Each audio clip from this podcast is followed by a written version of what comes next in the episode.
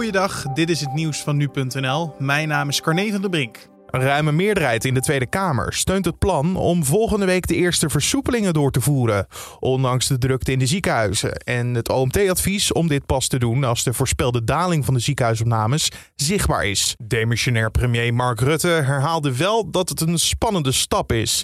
Lilianne Ploemen van de PvdA noemt het besluit echter onverantwoord. Het besluit om te versoepelen kunnen wij niet steunen. Net als iedereen hunkeren wij natuurlijk weer naar ons gewone leven. Wat het kabinet nu doet is onverantwoord. Tegen het advies van het OMT in. We hopen met het kabinet het beste ervan, maar we vrezen het ergste. Andere partijen waren wel blij met de eerste stap, al vinden ze wel dat het voorzichtig moet gebeuren.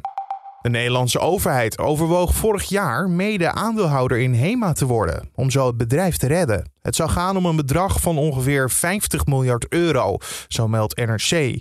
De overheid vreesde voor politieke en maatschappelijke gevolgen als het bedrijf failliet zou gaan. Het plan werd geblokkeerd door minister Hoekstra van Financiën. Volgens hem zou het gunstiger zijn als de oplossing vanuit de markt kwam. En dat gebeurde. Uiteindelijk werd de winkelketen overgenomen door de eigenaren van de Jumbo. Het onderzoek naar mogelijk grensoverschrijdend gedrag van een NOS-verslaggever wordt uitgevoerd door een extern bureau. De verslaggever in kwestie werd eerder deze maand op Twitter door verschillende jonge mannen beschuldigd van grensoverschrijdend gedrag. Dit nadat vergelijkbare berichten over de inmiddels vertrokken D66-Kamerlid Sidney Smeets de ronde deden. Zo zou hij jonge homoseksuele jongens hebben benaderd via Twitter in de hoop met hem af te spreken. Enkele van hen zeggen destijds minderjarig te zijn geweest. Ajax heeft gisteravond punten laten liggen tegen SC Utrecht. De Amsterdammers kwamen niet verder dan 1-1. Ajax moest winnen om komende zondag tegen AZ al landskampioen te worden. Maar dat wordt dus nu wat moeilijker.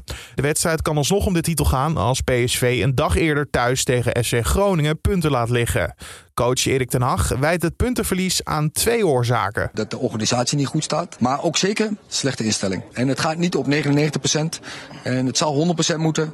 Ja, dan gaan we klagen. Dat moeten wij niet doen. Wij moeten gewoon duels winnen. Dat zei hij bij ESPN. En tot zover de nieuwsupdate van nu.nl.